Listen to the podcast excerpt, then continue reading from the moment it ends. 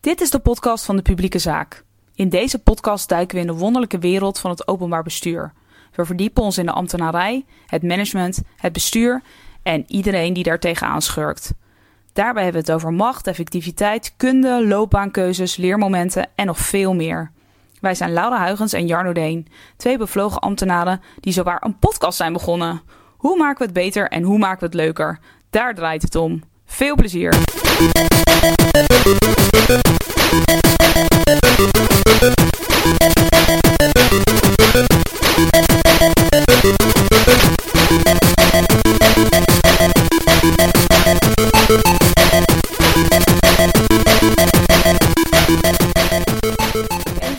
Laatste werkdagen van het jaar 2018, tussen de borrels door en met uitzicht op de welverdiende kerstvakantie, spreken we met Ageet Telleman. Ageet is managing partner van de overheidsgroep bij Twijnstra en Gudde. Ze werkt tegenwoordig als adviseur, maar was zelf jarenlang ambtenaar. Ageet heeft een sterke drive om de Nederlandse democratie en alles wat daarbij hoort te versterken. Zo praten we met haar over de tweebenige overheid. Natuurlijk zoomen we in op hoe je hiermee om kunt gaan en hoe belangrijk de waarde van het politiek bestuur hierin is. Boeiend en inspirerend op een van de donkerste dagen van het jaar. En dan nu over naar de podcast. Veel plezier. Ageet, heb je al kerstvakantie? Uh, bijna. Bijna? Ja. Het is de laatste donderdag voor, voor kerst. Weet je, het is net aan licht. Ook al is het al uh, half tien geweest. Ja, het zijn nog hele korte dagen. Ja, zeker. Maar, uh, maar, maar is het al bijna zover? Want uh, Jarno, ik heb onze kerstborrel al gehad. Ja. Wij zijn al uh, mentaal ik heb mijn al kersttrui, uit bijna. Mijn, mijn kersttrui hangt alweer terug in de kast, ja. Nee, nee, het is niet duurzaam, hè? Oh ja, je moet hem gewoon in ieder geval twee dagen per jaar aan. Maar uh, ja, Ja, nee, ik heb nog twee dagen, volle dagen om te werken. En denk ik, ach, ik moet nog heel veel afzien te krijgen. En dan uh, is het uh, vanaf uh, vrijdagmiddag is de kerstborrel bij Twijnstra Gudde met alle collega's. En dan hoop ik ook echt alles af te hebben. Nou, helemaal lukt het denk ik niet, maar zo goed als. En dan lekker twee weken vrij te zijn. En daar kijk ik wel heel erg naar uit. Dus het voelt wel echt als de laatste loodjes. Ja. Wat is dat toch dat we uh, in, in die laatste paar dagen van het jaar dat alles nog even af moet? Ja, dat vraag ik me ook altijd af. Want we doen het elkaar ook een beetje aan. Want het is eigenlijk maar twee weken. En er is gewoon op een gegeven moment weer een nieuwe dag. 1 januari, 2 januari. Het jaar begint weer. En dan kunnen we gewoon weer vrolijk door in de agenda. Maar ergens is die kerst toch wel echt zo'n ja, zo'n censuur in het jaar. Dat iedereen graag uh, alles af wil hebben. Uh, dat geldt ook voor onze opdrachtgevers. Dus dat, uh, ja, dat is ook een werkelijkheid die natuurlijk heel erg mijn werk bepaalt. De deadlines nog dit jaar halen. En dan weer met een schone lijn beginnen. Hebben jullie veel dingen die aan het eind van het jaar af moeten? Ja, toch wel Ja, een hoop dingen die zo werken. Veel opdrachtgevers vinden het ook prettig. Die, het is toch een natuurlijke grens waar vaak naartoe gewerkt wordt. Van, dat we gewoon de dingen af hebben voordat we het, het is, jaar eindigen. Het, is ook, ja, het, het, geld is ook vaak geallockeerd voor een bepaald jaar. En dus dan, uh, Klopt, dat dan, speelt soms ook Als een je dit, ja. jaar, dit jaar kun je het dan nog uitgeven. En voor het volgende jaar. Uh, Ja, maar ik, ik ben, ja, we zijn ook altijd druk met facturen en dat soort Ja. dingen. En afsluiten van, uh, van Ja. boekjaren en zo. Het heeft ja, daar ook mee te maken dat het boekjaar eindigt. Dus, uh, en dat heeft, ik ben ook manager bij Twijnsgudde Managing Partner. Dus een aantal dingen moeten ook echt dit, jaar, dit boekjaar afgesloten worden. Dus een aantal dingen moet ik ook echt nog dit jaar geregeld hebben. Nou, het meeste is wel af. Maar je merkt toch, komen toch altijd weer... Ik dacht twee weken geleden van, nou... Volgens mij gaat het allemaal prima lukken. En uh, dan komen er toch allemaal nog dingen tussendoor. Omdat iedereen ja, voelt, oh, dit wil ik ook nog even geregeld hebben. En dan weer bij mij aanklopt. En dan uh, gaan we dat nog even regelen, maar dat komt er dan bij. Dus het was toch nog wel wat drukker dan ik had gehoopt. Maar uh, oh, het heeft ook wel wat. Het is ook met z'n allen even de laatste loodjes, schouders eronder. Even en, de uh, eindsprint. Ja. Precies, dat Ja. vind ik ook altijd wel leuk. Een beetje pieken en daarna lekker genieten. En, uh, Ja. Maar ik merk het ook thuis. Mijn kinderen die hebben ook uh, helemaal geen zin meer in school. Die willen gewoon vakantie. En uh, Ja. het is een beetje de laatste loodjes voor iedereen volgens mij. Dat heb ik ook hoor. Ik ben er wel klaar mee op een gegeven moment. En het is inderdaad toch zo'n... zo'n ja, de kerstvakantie is inderdaad zo'n barrière. En wat wel altijd gek is, dat vind ik echt altijd raar, dat dan in, ehm, in onze organisatie is het heel vaak zo dat het dan heel lang, moet er van alles af voor kerst. En dan ongeveer een week voor kerst, dan is het een soort van... hmm. En dan maakt het opeens niet meer uit, oh, er komt wel het nieuwe jaar. En dan maakt het ook niet uit dat het maart wordt, weet je wel. Dat, eh, zeker Ja, omdat dat er bij ons ook nog verkiezingen aankomen in onze organisatie in maart. Even Is het opladen helemaal, voor de eh, laatste eindsprint. Ja. Dat is Ja. wel... Nou, dat Ja. is bij ons nu wel relevant. En dat zal bij een provincie net zo zijn. Is dat je die, die laatste bestuursvergaderingen die je nog hebt, die wil je maximaal gebruiken. Uh, dus je moet, ben nu nog wel echt bezig met het plannen van, uh, van dingen, omdat in maart verkiezingen zijn. Ja, maar je ik, ik merk ook wel dat het doorschuiven ja, begonnen is, bij ons hoor. Ja, dat dit is echt, iedereen weet gewoon. Na, de, na zeker uh, provincie, na januari zit je gewoon weer in verkiezingstijd. Uh, bij bepaalde opdrachtgevers is dat ook echt wel de werkelijkheid. Dus er moet, dat is ook een reden waarom er in dit jaar nog een hoop moet gebeuren. Want zodra het 1 januari is, dan zit je toch meer in campagneperiode. Er komt gewoon echt andere dynamiek. Klopt. Maar het is ook wat ik ook altijd wel leuk vind, dat je gewoon echt wel zoiets hebt van nou, rustig blijven, niet gek laten maken. En gewoon echt even helder hebben. Wat is echt belangrijk? Dat doen we, dat doen we goed. En de rest is dan ook, dat kan ook allemaal wel even wachten. Dus ik vind het ook altijd wel een uitdaging om juist in zo'n fase rustig te blijven en er ook een beetje van te genieten. En ja. de dingen goed, goed af te ronden. En, ja, ik, dus ik, uh, we moeten elkaar ook niet helemaal gek maken. Dat wil ik ook altijd maar zeggen. Van het is, ja. Nee, een beetje perspectief is inderdaad wel belangrijk. En wat je zegt, ik, uh, wij hebben allemaal kinderen. En, en dan merk je dat deze periode best wel, best wel een druk is. Zeker als je, als je jonge kinderen hebt met Sinterklaas er nog bij, zeg maar. Dan zit je echt in zo'n, dan werk je naar zo'n piekmoment toe. Dan is die kerstvakantie ook echt, ja, daar heb je ook even behoefte aan. Ja, is iedereen zo moe. Ja. Lukt, het, lukt het voor jou ook om dan echt twee weken of één week vakantie te nemen? Of ben je dan toch nog een beetje met je werk bezig in deze... Nou, ik... ik ik kan wel goed vakantie nemen. Ja, ik ben wel zeker sinds ik manager ben, heb ik gemerkt van dan zijn de dagen gewoon, er gebeurt zoveel op een dag. Ook heel veel korte, kleine dingen, veel beslissingen achter elkaar. Dat je ook wel echt heel intensieve dagen hebt. En dan ben ik er ook in het weekend bijvoorbeeld wel goed in. Maar ook s'avonds even uitchecken. Ja. Dus ook vakantie houden. Dat ja, dat is gewoon een afspraak met mezelf. Want het werk is namelijk nooit af. Nee. Dus het is gewoon op een gegeven moment is de tijd op. En dan is het gewoon even begrenzen uh, en, en zorgen dat je dan uh, even niet meer met werk bezig bent. En daar hoef ik niet zo mijn iPhone voor uit te zetten of zo. Nee, het is zijn, gewoon, er, zijn er dingen, maar het is er gewoon een knop die je kan omzetten in je hoofd? Of ja, zijn er ook nog bepaalde ja, trucjes of dingen? Ja, ja dat... Uh, Heb je dat moeten leren? Um, nou, ik, dat weet ik eigenlijk niet. Een goede vraag. Uh, het is iets wat ik kan en waarvan ik op een gegeven moment gemerkt heb van dit werkt ook voor mij. Ja, precies. Zo, want ik, ik ben liever iemand die uh, gewoon een paar dagen in de week, uh, dus, dus gedurende de werkweek even knallen. En dan op bepaalde momenten ook echt even uitchecken. Dan dat je continu bezig bent met je werk. Of, ja, zeg maar, het woord balans heb ik minder mee dan met pieken en herstellen. Dus gewoon op tempo flink wat uren achter elkaar draaien en daarna even echt lekker niks doen. Uh, of dat nou sporten is of gewoon met gezin of uh, helemaal even lekker lezen of tv kijken, maakt me niet uit, maar dan niet werken. Ja.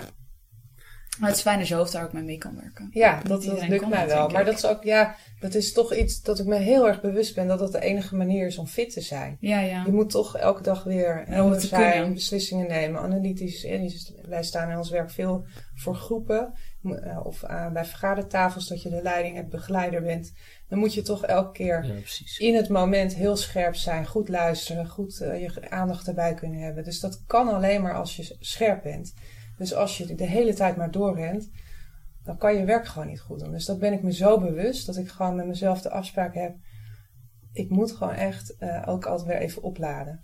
Ik heb dat. Ik, ik vind dat zelf nogal. Ik, ik, ik vind dat zelf nogal moeilijk, merk ik. Omdat je toch ook wel. Misschien is dat een. Dat je, je bent. Ik, ik als persoon ben heel snel ook wel met dingen bezig. Dus dan ben je eigenlijk wel de, continu de hele tijd bezig met dit en met dat en met zus en met zo. En als je er dan heel veel dingen ook naast je werk nog bij hebt, dan houdt het nooit op. Weet je, ja. dan, eh, terwijl je wel wat je zegt, daar ben ik het wel mee eens. Je moet wel ook uit kunnen staan, omdat je anders gewoon inderdaad niet scherp bent. Ja. Ik heb dit jaar met best wel veel uh, binnen, mijn, uh, binnen mijn hobby D66 gedaan. Uh, met verkiezingen en allerlei dingetjes die spelen. En dan gaat het eigenlijk continu door. En dan ben je op een gegeven moment ben je op je werk en dan denk je, hmm, volgens mij ben ik niet op mijn best nu. Ja. dus het is ook wel. Nee, dan, dat, en dat is natuurlijk altijd ingewikkeld, want je hebt zeker, want je hebt volgens mij nog hele kleine kinderen ja. en dan is het gewoon heel intensief. En dan is het ook met nachtrust misschien nog wat ingewikkelder. Dat geldt voor mij, mijn kinderen zijn wat ouder. Maar ik denk wel, het is ook iets wat je in de loop der tijd leert. En het is denk ik voor iedereen persoonlijk wat werkt voor jou. En voor mij werkt het gewoon goed om af en toe echt even te denken van nu ben ik, nu sta ik even uit voor de hele wereld. En ik heb ook best wel een aantal nevenactiviteiten. Ehm, en uh, ik heb me gewoon voorgenomen van als ik uitsta, is dat voor alles. Dus ik sta, Ja, precies. ja, ik sta aan of ik sta uit, zeg maar. Maar dus Ja, niet ja. van, oh, nu is mijn werk af. En dan s'avonds half negen, eh, oh, nu ga ik nog eens voor iets voor bijvoorbeeld de Sportraad eh, van Amsterdam, waar ik voorzitter van ben. Ga ik daarmee aan de slag. Ik probeer dat gewoon in een bepaald aantal uren op de dag te doen. En dan daarna echt eventjes niet eh, functioneel bezig te zijn. En wat ik bijvoorbeeld merk, voor mij werkt het dan niet om heel uitgebreid de krant te lezen. In het weekend kan ik dat wel, maar als ik dan de krant ga lezen, dan wil ik er van alles mee. Krijg ik allemaal Oh, ideeën. herkenbaar. en dat dan- heb Ja, ik ook ja, altijd. ja. dus ik ben gewoon heel veel, veel meer met boeken gewoon gaan lezen. En dan ook niet eh, non-fictie, maar fictie. Gewoon echt lezen om het lezen. Echt en niet Ja, dat je er meteen iets mee wil. Ja, ja, ja. Ja. Ja, Dus dat zijn ook allemaal van die dingen waar je dan op een gegeven moment achter komt. Voor mij werkt dat gewoon om eh, ja, echt even te ontspannen. Ja. Ja.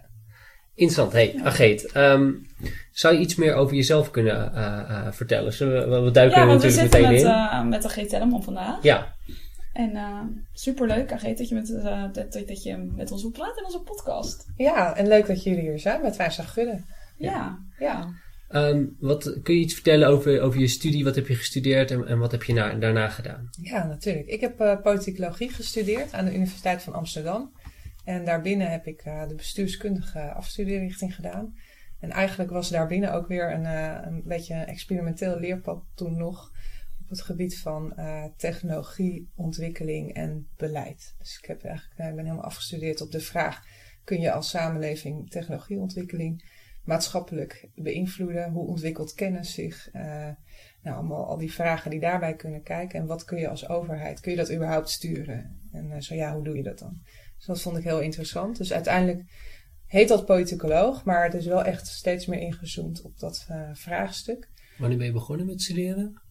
Eh, jeetje, ja. ik ben in 1991 begonnen volgens mij. Oké.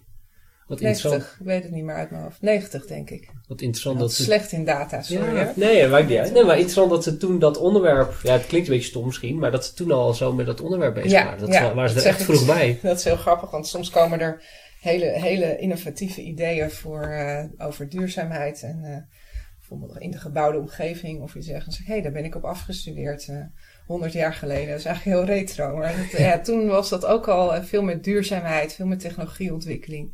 Het was toen wel echt ex- experimenteel. En wat het leuke daarvan was, is dat wij heel veel gingen, uitstapjes maakten naar andere studierichtingen. Dus ik deed vakken bij wetenschapsdynamica, bij filosofie, bij economie. En elke keer ging het weer over technologie, technologieontwikkeling, kennis, wetenschap, hoe dat zich ontwikkelt. En hoe je dat eventueel kan beïnvloeden. En natuurlijk bij bestuurskunde. Dan. En dat vond ik erg interessant. Ja. En nog steeds is dat wel een rode draad. eh, Ik doe nog steeds veel op het gebied van innovatie. Want had je toen een plan om toen je dat ging studeren? Weet je wel, was het, had je een bepaald beeld met wat je ermee zou willen? Nee, de, de grap is dat het plan was altijd iets met sport. Oké, oké. En omdat ik dacht, ik wil iets studeren wat ik gewoon interessant vind. En niet omdat ik er iets mee kan. Want ik, ik, ik was eigenlijk al werkzaam in de sport. En toen dacht ik van, nou, ik ga... Het was eigenlijk... Het lag zo voor de hand. Iedereen hield er rekening mee dat ik heel graag naar de sportacademie zou willen. En daar heb ik ook heel lang aan gedacht. Maar uiteindelijk ben ik toch iets echt gaan studeren omdat ik het interessant vind en me daar wil, eh, in wilde verdiepen. En eh, ben ik daarnaast wel ook blijven werken in de sport. Maar nu niet meer overigens. Maar dus het is voor mij nooit geweest met het idee, als ik dit studeer, krijg ik er dit beroep mee. Nee. Puur uit inhoudelijke interesse eigenlijk. Ja, ja. Wat kun je dan, want sport is voor jou een rode draad in je leven geweest, zeg maar. Wat Ja. kun je er iets vertellen van wat je, eh, eh, wat deed je dan? Was je even veel druk met sporten op dat moment? En wilde je daar iets mee? Of wilde je, eh, wilde je, was je toen al sportbestuurder, wat je nu ook bent? Nee, nee, nee. Dat is eigenlijk nu heel leuk dat ik nog iets met sport kan doen. eh, en iets voor de sport kan betekenen vanuit hele andere eh competenties. Maar ik was als kind gewoon altijd heel graag aan het sporten. En ehm, ik turnde. En ik kreeg vrij jong last van een blessure. Ehm, dus toen heb ik op een gegeven moment ehm, de keuze gemaakt om dan meer ook zelf te gaan lesgeven. Om toch iets te kunnen blijven doen in die sport. En daar ben ik ook een beetje in gerold omdat ik eh, al heel jong, toen mijn broertje op eh kleutergym ging, toen mocht ik eigenlijk de juf van mijn broertje helpen. Oh, en leuk. op een gegeven moment bleken er ook al opleidingen voor te zijn. Ze was nog heel jong. Ik denk eh, zelfs nog, nou, ik denk dat ik twaalf was of zo, dat ik mijn eerste cursus ging doen om assistent, hulptrainster of ja, echt heel jong al op dat pad ging. En ja, ik was 15 toen ik mijn eerste eigen turnploeg had, eh, waar en dus met een wedstrijdgroepje ook eh, trainde en naar wedstrijden begeleide en daar ook opleidingen voor deed tijdens mijn middelbare schoolperiode. Wat leuk. Oké. Ja, daar heb ik met heel, dat heb ik altijd met heel veel plezier gedaan en eh, heel veel uren aan besteed. Ja. Ik heb zelf ook nog lang geturnd, maar toen ik 13 was moest ik echt stoppen vanwege mijn knieblessure. Dat vond ik heel moeilijk om te accepteren. Ik dacht Ja, echt, als je er zo in zit. Ja. Nou ja, dat is als je jong bent. Toen dacht ik, het wordt nooit meer zo leuk, mijn leven, als het nu is geweest. Maar gelukkig blijkt dat dan toch wel weer mee te vallen. Ehm, ja, en toen ben ik gaan volleyballen. Ehm, het was eigenlijk omdat mijn moeder dat deed en ik echt geen idee had wat ik nu wilde. Maar dat, ja, daar bleek ik best wel talent voor te hebben. Dat vond ik ook hartstikke leuk. Dus dat heb ik de middelbare schoolperiode nog heel intensief gedaan. En toen ik naar de universiteit ging in Amsterdam, toen ben ik in Amsterdam les gaan geven bij gymverenigingen. En daar ben ik op een gegeven moment ook een aerobicopleiding gaan doen. En ben ik op sportscholen in Amsterdam gaan werken. Dus dat was eigenlijk toen ik studeerde, mijn bijbaan. Oké. Dat ik eh, les gaf op sportscholen. Ja, Ja. gediplomeerd en al. Ja. Ik weet dat ik nog, eh, ja, dat het toen de tijd altijd me- een beetje zo voor mensen altijd een beetje gek vonden. Als je dan eh, op de universiteit rondliep en tegelijkertijd ook af en toe een paar uur per dag in die sportschool rondhing. Dat Ja. waren echt twee werelden. Maar Lijkt me wel leuk dat je inderdaad, want, want zo'n universitaire opleiding, zeker iets als politicologie, mijn beide zusjes zijn politicoloog. Mijn zusje geeft les eh, op de, aan de faculteit eh, of, eh, van po- politicologie in Amsterdam. En dat zijn best wel van die abstracte studies, weet je wel. En het is ook best wel een intellectuele studie. Er heel ze lezen veel meer, veel meer dan ik moest lezen, voor me. hun lijsten waren veel langer en zo. Lijkt het me wel heel mooi, zeg maar, om, om er dan nog iets naast te doen. Wat eigenlijk...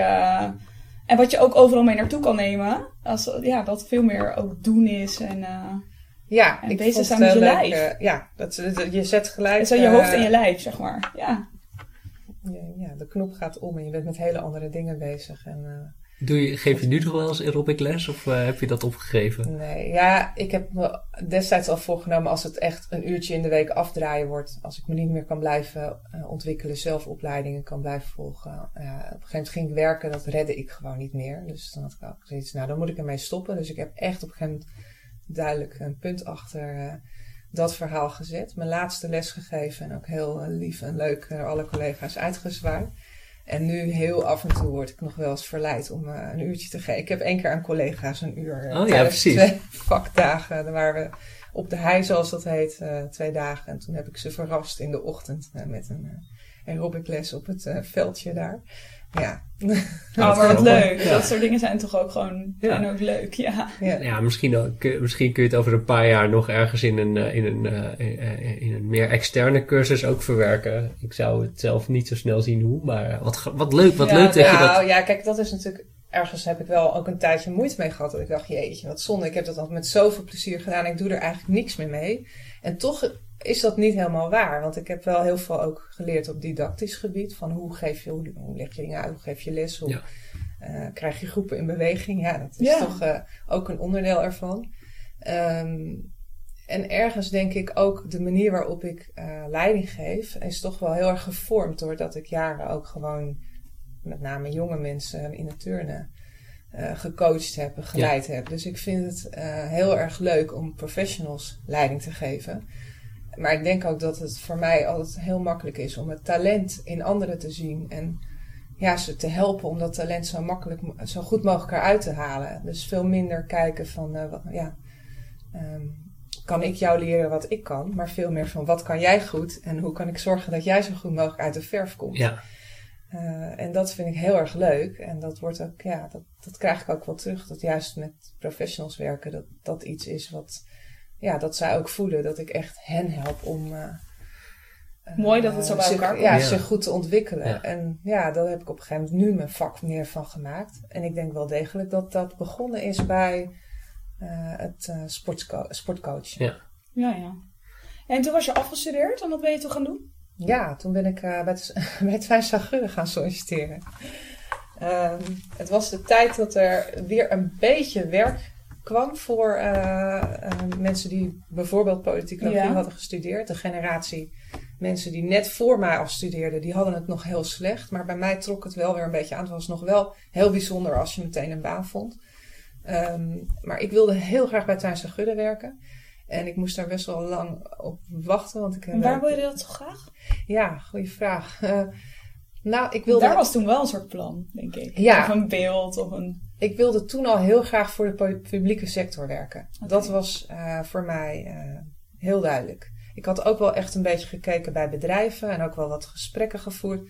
Maar ik merkte, nee, mijn hart ligt echt bij de publieke zaak. En tegelijkertijd dacht ik, volgens mij pas ik beter in het bedrijfsleven. Of in een, ja, in een wat meer zakelijke context. Dat wat ik wel een beetje, daar zat ik een beetje mee met dat dilemma. En toen dacht ik, als ik nou bij een adviesbureau ga werken, waar ik heel veel ga leren, veel skills ga leren, veel vaardigheden ga leren.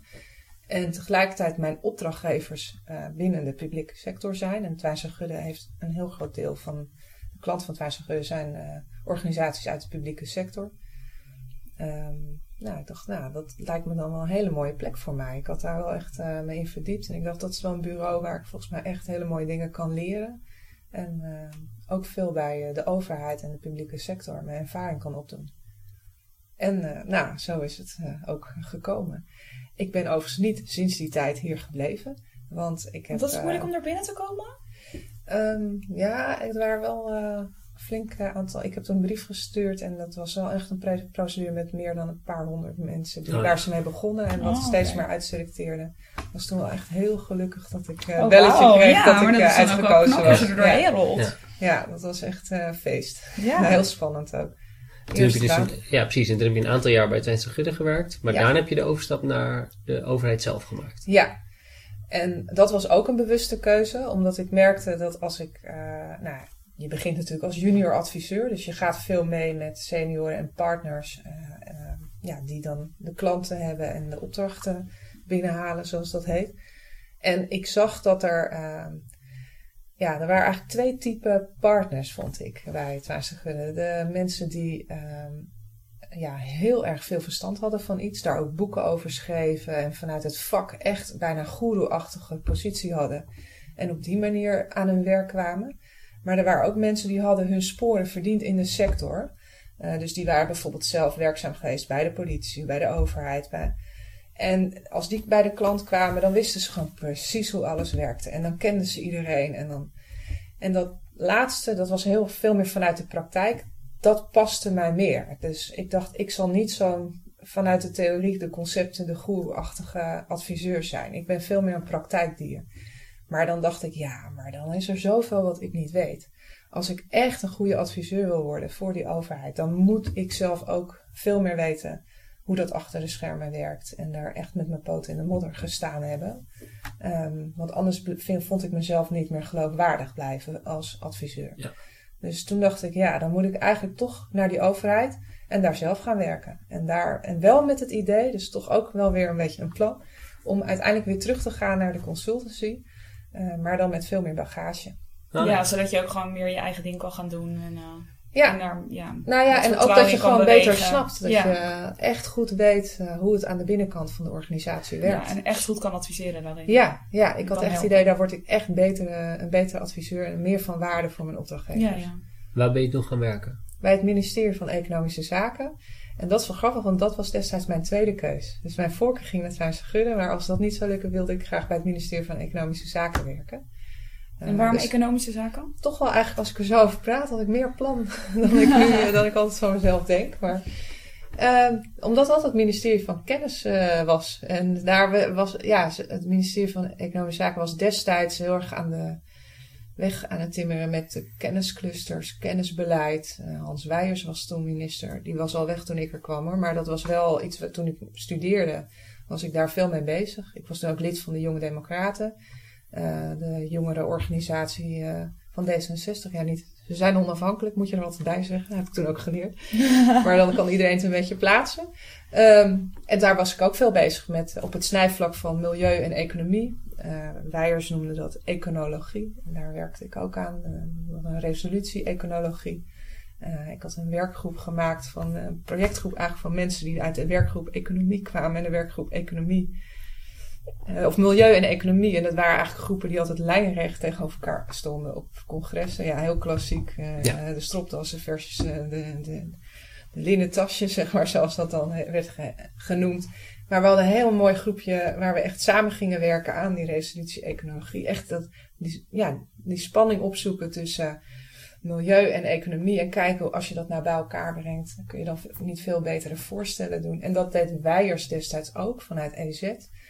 En die kennisontwikkeling en die innovatie aanjagen op die clusters. Dus juist eh, niet binnen een sector, maar sec- tussen sectoren, want daar gebeurt de innovatie. Ja, vond ik allemaal heel erg eh, interessant. Ik dacht, ja, daar wil ik zijn. De, de groene stroom was toen ook net eh, Ah, ja. Maar dat, ontwikkeld. Hè? Dus de, de duurzame energie was toen ook nieuw op de agenda. Ja, dat vond ik echt een heel eh, interessant departement. ik heb nog nooit bij een ministerie gewerkt, maar is dat dan ook eh, die dynamiek die je nu zo mooi beschrijft, was die daar ook, zeg maar? Niet echt. en ja, eigenlijk wel, maar in het begin voelde ik dat helemaal niet. Ik vond het ontzettend wennen. De eerste weken dacht ik echt, oh, als, dit gaat niet goed. Als ik, dit ga ik niet volhouden. Ik werd heel onrustig van. Ehm, maar dat zat heel erg op dingen als, eh, dat, ja, als je een vergadering van 10 tot 11 had, dan, dan werd het moeiteloos half twaalf zonder dat iemand iets zei. En ik was dat gewoon niet gewend. Ik had al gepland tussen 11 en 12 wil ik iets anders doen. Ehm, maar ja, het waren gewoon ook ja, be- een vergadering met heel veel mensen tegelijk. Dat ben je in een consultie ook helemaal niet gewend, want dat is veel te duur. Hoe, hoe minder mensen, hoe beter. Want dan Ja. kan je tenminste veel doen voor hetzelfde budget. Als er veel mensen tegelijk aanwezig zijn, nou dan. Ja.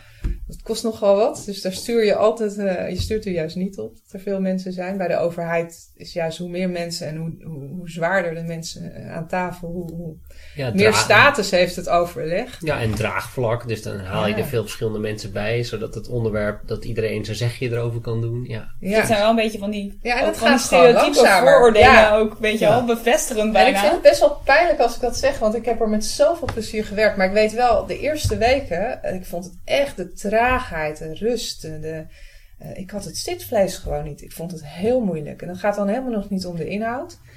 eh, die overigens wel heel dynamisch is. Maar het was ook omdat ik toen nog niet heel goed eh, wist hoe het allemaal werkt. Hè. Als je eenmaal zelf een beetje in dat systeem je weg leert kennen en weet hoe de haas loopt en hoe je dingen moet beïnvloeden, gebeurt natuurlijk heel veel in het informele Ja. ook. Ja. zeker weten. En dan wordt het natuurlijk spannend. Hoe kan je nou echt effectief zijn? Hoe kan je echt beïnvloeden? En ja, dan kan je gewoon ook hele mooie projecten doen. Dus uiteindelijk heb ik daar ongelooflijk mooie dingen mogen doen. Maar in het begin had ik daar wel moeite mee. En, eh, En waar zat het omslagpunt daar dan in? ja, dat is het gekke. Want dan denk ik ook wel eens, ja, ergens ben ik er dus gewoon gewend aan geraakt. Ja, misschien, ja. Ehm, ja, en, en ga je er gewoon in mee. En ben je gewoon, ja, daarbinnen zoek je gewoon je plek. En, Maar ik hoor je ook wel zeggen, ja, er zit heel veel beïnvloedingsruimte natuurlijk eh, in dat band en in de processen. En, ehm, wat ik best wel vaak merk is als wij nieuwe mensen krijgen op onze afdeling, dat ehm, ik, ik begeleid mensen vaak in bestuurlijke trajecten en dan krijg je, krijg je veel klachten over, over de, de starheid van stukken, de, weet je, hoe lang dingen duren. Terwijl als je daar eenmaal in werkt, eh, ja, zeg maar, de kunst om dat goed te benutten en om goed, een, een goed stuk te schrijven, waardoor het er soort van, soort van makkelijk doorheen glijdt. Ook al gaat het dan, het moet wel in die traagheid, maar kan ik, zo, kan ik nu ook ontzettend veel voldoening uithalen. Grappig genoeg. Ja. Hoe je, als je dit slim, als je, als je het spel slim speelt, je er toch dingen ja. eh, doorheen eh, kunt loodsen.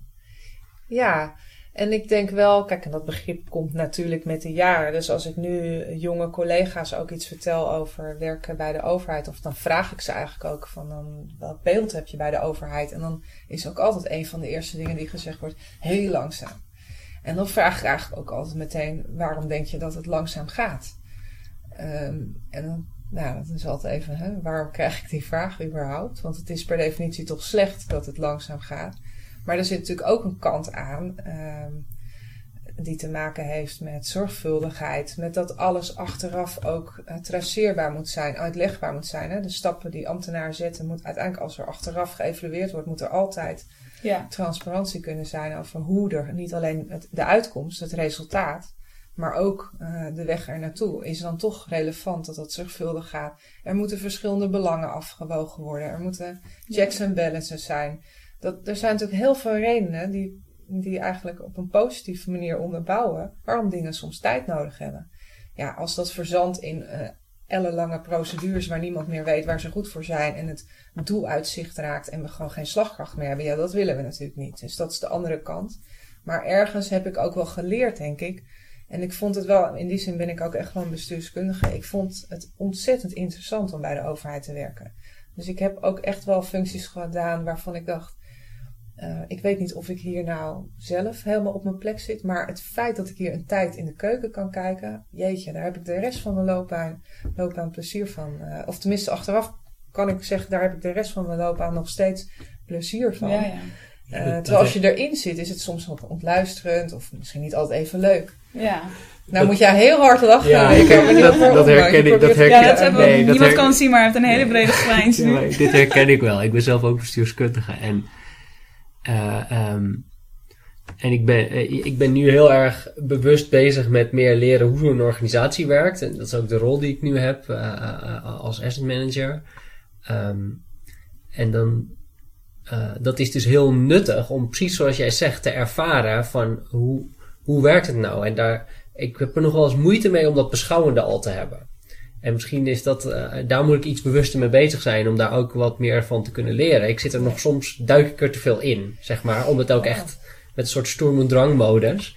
Uh, uh, maar ik herken heel erg wat je zegt, daar moest ik zo lachen. Ik weet ook niet of dat slecht is, want ik dacht juist zelf van dat beschouwende is niet goed. Je moet hier niet zitten omdat het je fascineert. Je moet gewoon uh, een deuk in een pakje boter kunnen slaan. En ik heb op een gegeven moment ook wel meer de functies gekozen die bij mij passen. Ja. Zodat ik wel effectief kon zijn. Want dat beschouwende dat, ik, ik heb er achteraf heel veel van geleerd. Maar je moet wel, als je niet op je plek zit of het past niet helemaal bij jou, maar het fascineert je wel heel erg. Ja, dat is natuurlijk niet waar je voor betaald wordt. Nee, dat is waar. Maar daar, daar zit ook wel, denk ik, een van onze drijfveren is van. Ja, hoe ben je nou effectief en hoe, hoe zorg je daar nou op? Hoe zorg je nou voor beweging en dat er toch dingen veranderen? Ook al zijn die organisaties een soort mammoetankers die, uh, die je moeilijk kan bijsturen. Hoe kan je dan toch zorgen dat er dingen, dat er dingen veranderen, dat er beweging op gang komt, dat die olievlek groter wordt? En ik vond het wel interessant om te zeggen, dat, van, dat jij, als je dan bij zo'n ministerie komt, dat je dan eigenlijk relatief snel al leert van als ik iets wil, dan moet ik het A zelf doen. Hè, dan moet ik zelf initiatief nemen. En dan moet ik ook buiten de paden die bedacht zijn, ja. kan ik veel effectiever opereren dan het in een standaard overleg uh, modus. Want daar is het heel veel moeilijker om je doel te bereiken. Ja, nou, ik denk wel dat ik dat me. Ik weet niet of. Laat ik het zo zeggen, ik was me wel heel snel bewust dat de geëikte paden die meteen leiden tot een, succesvolle carrière in de lijn, zoals dat dan heet, bij, eh, binnen het departement of binnen de Rijksoverheid, dat dat me niet gelukkig zou maken. Terwijl ik ook best wel ambitieus ben. Ik wil de dingen altijd goed doen. En nou, dat, dat blijkt ook uit als je na een paar jaar weer iets nieuws mag doen en een stap naar boven mag zetten. Uh, maar ik had wel vrij snel zoiets van die, dat geëikte uh, patroon naar uh, binnen een directie opklimmen en dan naar een DG. Of, dat gaat mij niet gelukkig maken. En daar ja, kom ik gewoon niet uit de verf. Paden, toch? Ja. ja. Ja. Of tenminste van die carrièrepaden. Tenminste, ik weet niet of dat nu nog steeds Nou, dat is wel in de tijd dat ik daar werkte was dat al veranderd. Dat, okay. Tenminste veranderde het wel dat je niet alleen maar de beste inhoudelijke specialist ook manager moest maken. Maar dat je verschillende paden, je moet ook uh, kunnen groeien als expert en ja, als precies, manager. Ja. dus dat is, daar is natuurlijk wel een hoop in veranderd. Maar toch, wat, wat toch het meest uh, status heeft en ook wel, uh, ja, dan zit je echt in het hart van, van de organisatie is het pad naar, uh, nou, toch op een gegeven moment in de hiërarchie ook klimmen. Dat je een directeur wordt van een uh, directie, dat je daarna misschien in een, uh, een directieteam en binnen een DG leiding gaat geven, directoraat-generaal. Um, nou, of dat je heel dicht op de minister adviseert. En ik merkte zelf wel vrij snel, en volgens mij ben ik daar zeker niet de enige in, maar ik heb daar wel heel bewust voor gekozen. Nadat ik overigens bij het bureau SG gewerkt heb, bureau secretaris-generaal, dus ik heb wel ook als secretaris van de ministerstaf een tijd mogen werken. Heel leerzaam dus ook. Mm. Um, dat ik dacht, als ik in een meer vrije rol zit, en toch ook wat meer vanuit die adviseursrol of programmamanager of een aanjager van iets, van iets nieuws wat ontwikkeld moet worden, um, dat past mij meer. Daar heb ik meer lol in. Dan heb, kan ik meer creatief zijn, meer ondernemend zijn. En dat kan dan ook binnen de overheid. Er zijn ontzettend veel plekken waar je op die manier heel erg effectief kan zijn. Maar dat zijn dan wel vaak functies. En daar heb ik dus wel ook voor gekozen in de staf, zoals dat heet. Dus Ja. eh, in, ja, ik zat dan op een gegeven moment in een pool van organisatieadviseurs. En dan werk je echt in dienst van die lijnorganisatie. Je doet opdrachten voor die lijnbestuurders of lijndirecteuren. Dus dan, maar ik heb daar wel echt hele mooie dingen kunnen doen. Dus heel veel. Op een gegeven moment werkte ik echt als interne adviseur binnen de overheid. En niet alleen binnen EZ, maar binnen het hele Rijk. In een pool van mensen. Ja, eigenlijk een soort adviesbureautje binnen de Rijksoverheid. Ja. Rijksadvies heette het ook. Ja, en dan zit je op een gegeven moment niet meer echt in het primaire proces. Hè? Dat, dat ervaar je ook wel zo, want je zit niet meer in het beleid. Eh, je gaat veel meer kijken naar hoe organiseren we de dingen. eh programmaorganisaties optuigen of fusies van agentschappen begeleiden. Reorganisaties binnen de Rijksoverheid begeleiden. Ehm, ja, ik kon daar wel meer mijn... eh, Ja. Ja, ja, maar echt organisatieadvies eigenlijk. Mist ja, een of beetje meer nieuw- op de strategie of op de Ja, ja. organisatie. Ja. Oké, maar heb je daar ook nog een. Heb je daar ook nog. eh, was dat moeilijk? Want ik kan me voorstellen. ehm, Volgens mij eh, lopen wij er ook tegenaan dat je. Dat je af en toe weet je wel dat je. Zo kan dubben over je carrière van wat is nou wijsheid? Weet je wel, wil ik nou, is het nou slim om de lijn in te gaan? En word je daar gelukkig van, dan kun je ook leuke dingen doen. Of ga je meer, eh, ga je, ja, blijf je toch meer op een bepaald soort inhoud in plaats van dat je gaat managen? Nou, voor mij is wel op een gegeven moment eh, een, een kruispunt geweest toen ik bij het innovatieplatform werkzaam was. Dus dat was eigenlijk de laatste fase van mijn periode bij de Rijksoverheid. Toen werd ik eh, ja, uitgeleend, gedetacheerd naar het innovatieplatform voor de periode onder Balken en de Vier. Ehm, en daar merkte ik eh, dat ik heel erg gewaardeerd werd in de rol van leidinggevende. Ik was geen leidinggevende formeel, maar ik had best wel een team van veel jonge mensen om me heen. Die, eh, ja, in mijn project of programmateam, ik was eindverantwoordelijk voor de kennisinvesteringsagenda van Nederland, ambtelijk. Want daar, Ja. natuurlijk, in de leden van het innovatieplatform waren daar eindverantwoordelijk voor, maar in het ambtelijk bureau was ik daar verantwoordelijk voor. En dan had ik toch op een gegeven moment een flink team, allemaal super slimme jonge honden om me heen, die echt eh, hele, hele belangrijke bijdrage leverden aan eh, dat programma. En eh, het elk, elk jaar maken van hoe sta, een soort foto van hoe staat Nederland ervoor als het gaat om die ambities op het gebied van onderwijs, kennis en innovatie. En toen kreeg ik wel terug van het is zo leuk om voor jou te werken. Daar moet je meer mee doen, AG. En dat was wel een soort spanningsveld wat ik al een tijdje voelde. Van ik vind het gewoon heel erg leuk om ook leiding te geven. Maar ik weet niet of dit de organisatie is waar dat... eh, ja, om, om- je moet toch die stapjes via middelmanagement Ja. naar hoger management. Ja, dat trok mij gewoon niet om in zo'n... Van overleg naar overleg. eh, Ja, met ja. voorbereide agenda's. En Ja. ja, ik dacht echt, dat, daar word ik gewoon echt niet gelukkig van. Maar ik vond het wel heel leuk om leiding te geven. En ik merkte ook van, ja, dat is wel iets... Dat kwam natuurlijk ook weer een beetje uit die sport. Ja, iets wat ik in heb zei. en waar ik gewoon heel erg van geniet. Je het leuk vindt om mensen te coachen. Ja, dus daar heb ik op een gegeven moment wel van gedacht. Nou, na die periode kwam Twijns Gudde ook weer op mijn pad. Die vroeg van, zou je niet willen terugkomen en dan op termijn ook managing partner worden van de overheidsgroep. Is eigenlijk de groep waar ik als junior ooit begonnen ben. En toen dacht ik wel, hé, nou, dat zou wel eens een heel leuke keuze kunnen zijn voor mij nu. Want dan komt dat bij elkaar, dat ik aan de ene kant gewoon met mijn vak bezig eh, ga. En ook voor de overheid blijf werken. Maar dan vanuit weer de rol van externe adviseur. En tegelijkertijd ook die leidinggevende rol verder kan ontwikkelen. Ja, en zo, eh so it happened. Ja. Ja, Het klinkt, dat is wel grappig wat je zelf ook al zei. Het, is, het klinkt voor mij in ieder geval dat je toch wel. Je hebt misschien niet een, een heel voor, vooropgezet plan gehad, maar je bent wel redelijk planmatig en bewust bezig geweest eh, in de stappen die je, die je gezet hebt. Ja, ik ben er denk ik bewust van wat wel bij me past en wat niet bij me past. Ja. Daar durf ik dan wel op te kiezen. Maar van, ik wil uiteindelijk daaruit Nee, komen. precies. dat past dan weer minder bij me. Dat vind ik altijd wel ingewikkeld, een vraag te beantwoorden. Maar ik weet altijd wel ja, wat ik verder wil ontwikkelen, wat bij me past. Maar Ja, er zit dat, wel een soort, volgens mij ken je wel je eigen drijfveren goed. Ja, dat denk ik Dat wel. helpt. ik denk dat dat ook uiteindelijk het effectiefst is, om- omdat je mensen die zeg maar, eh, die, zeggen ik wil burgemeester worden, of ik wil, weet je wel, ja, dat is leuk. Maar daar moet je heel veel verschillende dingen voor kunnen. En je kunt wel een pad uitstippelen om daar te komen. Maar uiteindelijk gaat het niet om, uh, gaat het meer om wie je bent. Uh, dan de, dan de, de functies die je daarvoor gehad hebt. Dus ik vind het heel mooi om te horen dat je heel dicht, door heel dicht vanuit jezelf te redeneren, dat je dan toch een heel mooi carrièrepad hebt kunnen maken. Ja, tot nu toe uh, ben ik niet ontevreden. En ik heb nog steeds het idee dat ik elke dag leer en groei. En dat uh, vind ik ontzettend leuk.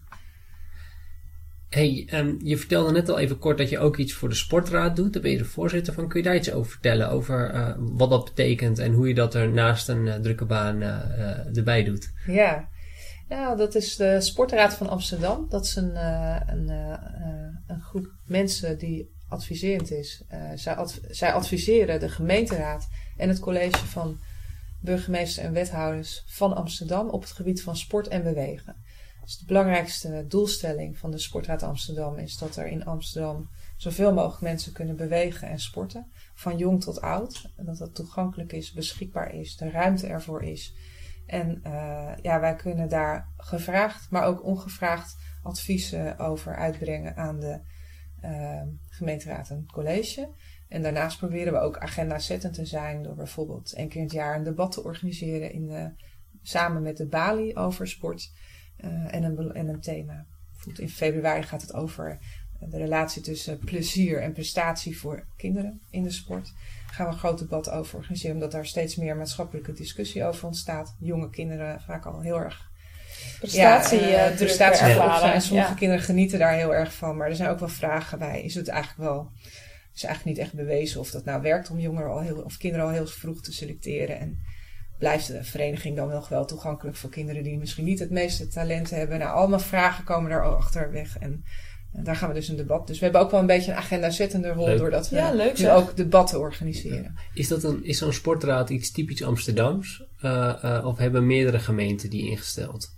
Uh, ik, ik, volgens mij, uh, de Sportraad Amsterdam is er al heel erg lang. Dus ik kan me best voorstellen dat het een van de oudste, of misschien wel de oudste is. Maar er zijn inmiddels in heel veel gemeenten in Nederland een, uh, zijn er sportraden. En er is inmiddels zelfs een nationale sportraad. Oh, kijk. Ja, ja. Dus ja, ik denk dat dat heel mooi teken is dat sport wel steeds meer in het hart van ja, beleid, politieke agenda. Het is toch steeds, wordt steeds belangrijker gevonden voor uh, het belang van sport. Uh, voor het plezier, maar ook voor gezondheid, voor uh, school en de relatie tot onderwijs. Hoe ben jij erin terechtgekomen? Ja, ik ben daarvoor gevraagd toen ik uit de gemeenteraad van Amsterdam ging. Oké. Okay. Dus, er was toen, er zitten verschillende mensen in de sportraad. Er zitten overigens vooral heel veel oud topsporters in. Dus ik vind het ook een enorme eer om daar voorzitter van te mogen zijn. Dus die hebben natuurlijk echt een ervaring in de sport. En die kunnen ook echt ambassadeur zijn van de sport. Uh, bijvoorbeeld een, uh, een Daphne Koster, of een, uh, die is dus een top, topsporter op het gebied van voetbal. En nu verantwoordelijk voor de vrouwen van Ajax. Uh, maar ook een Marloes Koenen, die wereldkampioen MMA-vechter is. En uh, ja, dat zijn gewoon hele aansprekende mensen die echt vanuit een ervaring ook inspiratie kunnen ja, heel leuk. geven en hele goede ideeën hebben. Uh, maar er zitten ook een aantal andere competenties in. En op dat moment werd er ook gekeken van ja, we moeten ook goed weten hoe het op het stadhuis werkt. Op welk moment je ja. goed Ja. je advies kan uitbrengen aan wie, hoe werkt dat. Uh, dus wat meer de politieke ervaring was ook heel relevant om aan boord te hebben. En om die reden ben ik toen gevraagd. En ik denk dat dat er ook wel mee te maken heeft, omdat ik toen als fractievoorzitter destijds van D66 in Amsterdam ook sport in mijn portefeuille hield. Oh. En dat was niet vrij vanzelfsprekend dat een, uh, nou ook niet een D66er, een, een sport, uh, een D66-fractievoorzitter sport in de portefeuille had destijds. Dat was toch vaker een cultuur. En uh, nou, nu zie je dat dat heel anders is, gelukkig. Nou, D66 heeft nu zelfs de wethouder sport in Amsterdam. Maar dat was wel ook wel een reden, denk ik, dat ik daarvoor gevraagd ben. Dat ik heel duidelijk ook sport belangrijk vond en hoog op de politieke agenda zette. Toen al. Ik vind het wel grappig, omdat zo'n sportraad lijkt mij... Uh, omdat het zulke ander type mensen zijn dan normaal er in de gemeenteraad zitten. Dat zou ook echt wel een ander geluid kunnen, ja. uh, kunnen, ja, kunnen geven. Is, dat ook, is, het, is het ook een effectief, uh, effectieve middel voor de gemeente? Uh, zeker. En uh, ik denk dat dat ook iets is wat, ja, zeg maar, de, als je niet effectief bent, dan besta je ook niet zo lang. waarom Ja, je er ja. bent. Hè? Dan, er zitten mensen in met allemaal volle agenda's. Eh, niet alleen mijn agenda, maar eh, dat geldt voor ons allemaal. We worden gelukkig we hebben ook eh, daar goede ondersteuning bij hoor. En het is natuurlijk allemaal onbezoldigd, dus iedereen doet het erbij. En dat is altijd een uitdaging. Maar ja, het belangrijkste is natuurlijk dat je mensen daarvoor gemotiveerd krijgt om hun tijd daarvoor in te zetten. Als je ook het idee hebt, wij hebben ook impact. We Ja, we hebben kunnen het effect. verschil Ja. maken. En ehm, nou, bijvoorbeeld heel recent hebben we ons heel erg sterk gemaakt om een sportnorm eh, voor Amsterdam eh, in te stellen. En daar waarmee we eigenlijk zeggen, je moet per eh, aantal vierkante meters woningen, moet er ook zoveel vierkante meter aan sportvoorzieningen zijn. En ehm, ja, dat lijkt heel vanzelfsprekend, maar we hebben gewoon gezien in Amsterdam dat bij de aanleg van nieuwbouwwijken, eh, het meest recente voorbeeld is Eiburg, dat er gewoon Ja. toch jarenlang om te weinig sportvoorzieningen zijn. En als je daar opgroeit, dan ja, voor een projectontwikkelaar is misschien tien jaar niet zo lang, maar voor als je daar opgroeit is tien jaar heel erg lang voor de ouders. Dus wij hebben daar nu wel echt veel steviger voor gepleit om daar niet eh, ja, in algemene zin wat van te vinden, maar gewoon te zeggen er moet gewoon een sportnorm, een bindende sportnorm komen. En die is wel nu echt overgenomen, eh, raadsbreed. Er zijn ook echt eh, veel pleitbezorgers voor in de gemeenteraad van Amsterdam. Ehm, en het college, met de huidige voorstellen vanuit het college, zie je ook echt dat ze daar nu ook echt voor kiezen.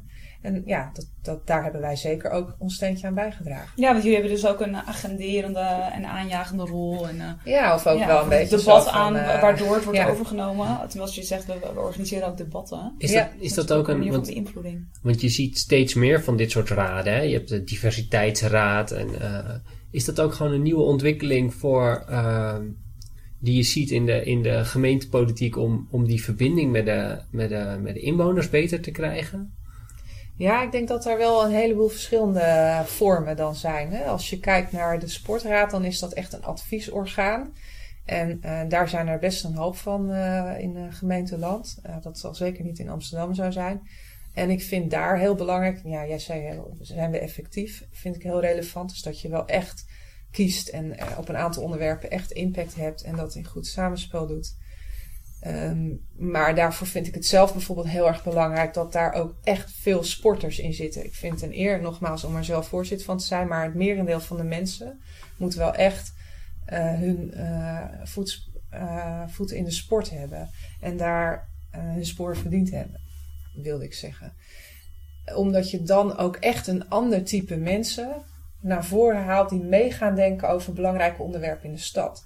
En wat je soms wel eens ziet, is dat het vaak ook baantjes worden voor mensen die voorheen in de politiek zaten. Dus daar voor mezelf was ik daar best wel kritisch op. Want het, je wordt best wel, als, als je net uit de gemeenteraad komt, dan zijn er ontzettend veel mogelijkheden om in allerlei clubjes, raden, adviezen, Ja, word je dan voor, voor deel, veel dingen benaderd? ja, dat zijn best wel veel dingen die je, als je, dat, als je al die lijntjes warm houdt, dan is dat eigenlijk een soort, bijna een soort volgend bestaan. Ja, ja, ja. En daarvan heb ik voor mezelf heel duidelijk gezegd, dat wil ik dus niet.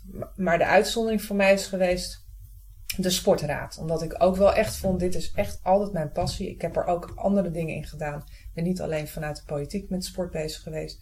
Dus voor mezelf dacht ik, nou, hier wil ik wel heel graag toen als lid, later vicevoorzitter, nu voorzitter, maar toen als lid van de sportraad toe toetreden. Maar ik Toch weer die drijfveren. Dat is wel grappig. ja, maar ik wilde dus komt. niet. Ik heb er niet, eh, want ik ben eh, afgetreden eh, eh, bij D66 en uit de raad gegaan, terwijl ik eigenlijk nog maar net een paar maanden in de gemeenteraad zat. Excuus. Ehm, dus dat was niet een leuke manier om weg te gaan uit de politiek. Dus dat is best ook wel even spannend.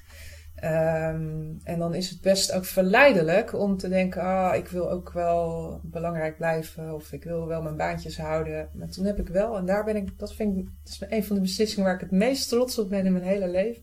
Dat ik toen wel echt dacht: ja, ik heb daar altijd eigenlijk een beetje een hekel aan gehad. Van al die gearriveerde oud-politici die al die baantjes bevolken. Dus dat wil ik dan zelf toch echt niet. En ik ga gewoon nu mijn focus verleggen naar mijn eh, professionele carrière. Gelukkig had ik die ook altijd ernaast. En daar dan vol gas eh, weer voor. In plaats van die verschillende ballen in de lucht. Maar dat is dus wel wat ik, waar ik zelf heel erg aan hecht. Dat die adviesraden. ehm, ja, dat dat wel echt ook een ander type mensen be- betrekt bij eh, de politiek en bij het beleid dan eh, de usual suspects. En dan Ja. heeft het ook een toegevoegde waarde voor Ja. een raad. Ja, dus bij, zoals de sportraad, als dat allemaal mensen zoals ik worden, dat zou ik niet wenselijk vinden. Dus ik, bij het werven van nieuwe mensen kijken we ook altijd van, wat is, wat is de achtergrond in de sport? Ja, Wat heb je is echt er iemand- relevantie met waar het over Ja, gaat? ja, dat is echt belangrijk. En ik denk, nou ja, dus dat als het gaat om die adviesorganen, die er natuurlijk heel veel zijn. En daarnaast zie je natuurlijk steeds meer wijkraden, eh, initiatieven vanuit burgers, waar burgers samen zelf eh, over hun buurt gaan. Dat is ook wel een trend. Die zie ik ook vanuit Twijnse Gudde, eh, waar we gewoon zien dat er, ja, dat eigenlijk de, de netwerksamenleving heel concreet wordt op buurtniveau. En waar je dus als overheid ook hele andere ja, instrumenten voor gaat eh, ontwikkelen. Om dat te faciliteren, te ondersteunen. Ehm, nou, een voorbeeld uit mijn eigen buurt is dat je ehm, nu als buren zelf voor de, de groenvoorzieningen in de straat kan zorgen. Als je met een plan komt, eh, dan wil de gemeente de groenvoorziening zo maken zoals wij dat dan graag zouden willen. Maar dan moet je er wel ook zelf voor gaan zorgen. Dan neem je een stukje beheer over. Nou, dat is één voorbeeld. Ja, maar dat dat bij zie je mijn denk- straat ook, ja. ja, dat zie je natuurlijk Alle ook steeds meer. rozenperken. Ja. Ja, je ziet het bij energievoorzieningen, dat Ja. er collectief ontstaan. En, eh, dat is Hey, denk maar- ik een andere beweging, want ik hoorde je zoiets ook volgens mij. Ja, Ja. die hoorde ik ook. Want ehm, ja, ben je daar vanuit de Thuiswijnzachtgoede ook mee bezig? Ja, we hebben ehm, een van de onderdelen, eh, een van de ja, zeg diensten die wij vinden, is heel erg de overheid helpen in die ontwikkeling naar de netwerksamenleving. Dus, Nou, eh, interessant, want daar zijn wij natuurlijk ook alle twee heel erg mee bezig. ja, dat zullen jullie in je werk natuurlijk Ja. ook heel erg van En dat is ook Ja. wel een van de redenen dat, dat wij heel graag met jou eh, wilden spreken. En ook omdat jij eh, een bijdrage hebt geleverd aan iets waar wij heel enthousiast van werden. Dat concept van de tweebenige overheid. Ja, zijn wij echt aan het Ja, wat leuk. intern. Ja? Ja, Kijk, Ja, lees Ja, heel erg bij ons bestuur. vind ik leuk om te horen. Ja. Ja. ja omdat het, omdat het En ook... waarom? Kun je, ja. Omdat het. Zoals als ik nu naar mijn huidige rol kijk, dan zit ik in een hele blauwe functie. Hè? Een hele. eh, eh, met cijfers en met control. En dat je goed je zaakjes op orde hebt. En dat is de ene kant van de overheid die heel belangrijk is. Terwijl je, daarvoor heb ik heel veel proceswerk en heel veel buitenwerk gedaan. Waarin je juist heel veel vrijheid opzoekt en nodig hebt om het gesprek met buiten te doen. En dus die tweebenigheid, zo vertaal ik het voor mezelf. Die heb ik ook altijd in mijn werk ervaren. En ik vind het zelf een enorme uitdaging om dat beter te combineren met elkaar. Hè. Mijn droom is altijd eh, eh, om naar een soort gezamenlijke programmering te komen van, van verschillende ja. overheden. Om, zodat je eh, echt maximale meerwaarde bij je investeringen in de openbare ruimte hebt. Dat zou, dat zou mijn ideaalbeeld zijn.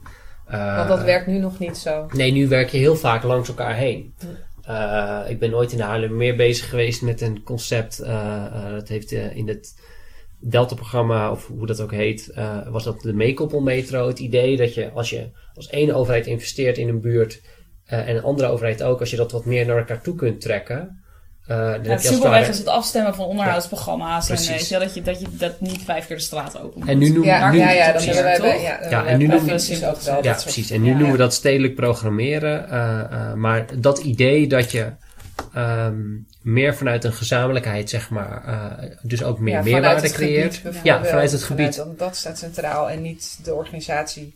Precies, en, dan, en Ja. de volgende stap is dan dat je daarmee ook inderdaad de inwoners betrekt en kijkt van wat willen jullie eigenlijk? En eh, dat je die momenten allemaal dan kunt clusteren, zodat je één keer het, het goede doet in plaats van zes keer en dat het eindeffect een beetje jammer is. Maar wat, wat ik heel erg merk is aan, aan dat tweebenige concept. En wij werken ook, wij werken dus enerzijds met de tweebenige overheid. En echt hè, die tweebenige speler.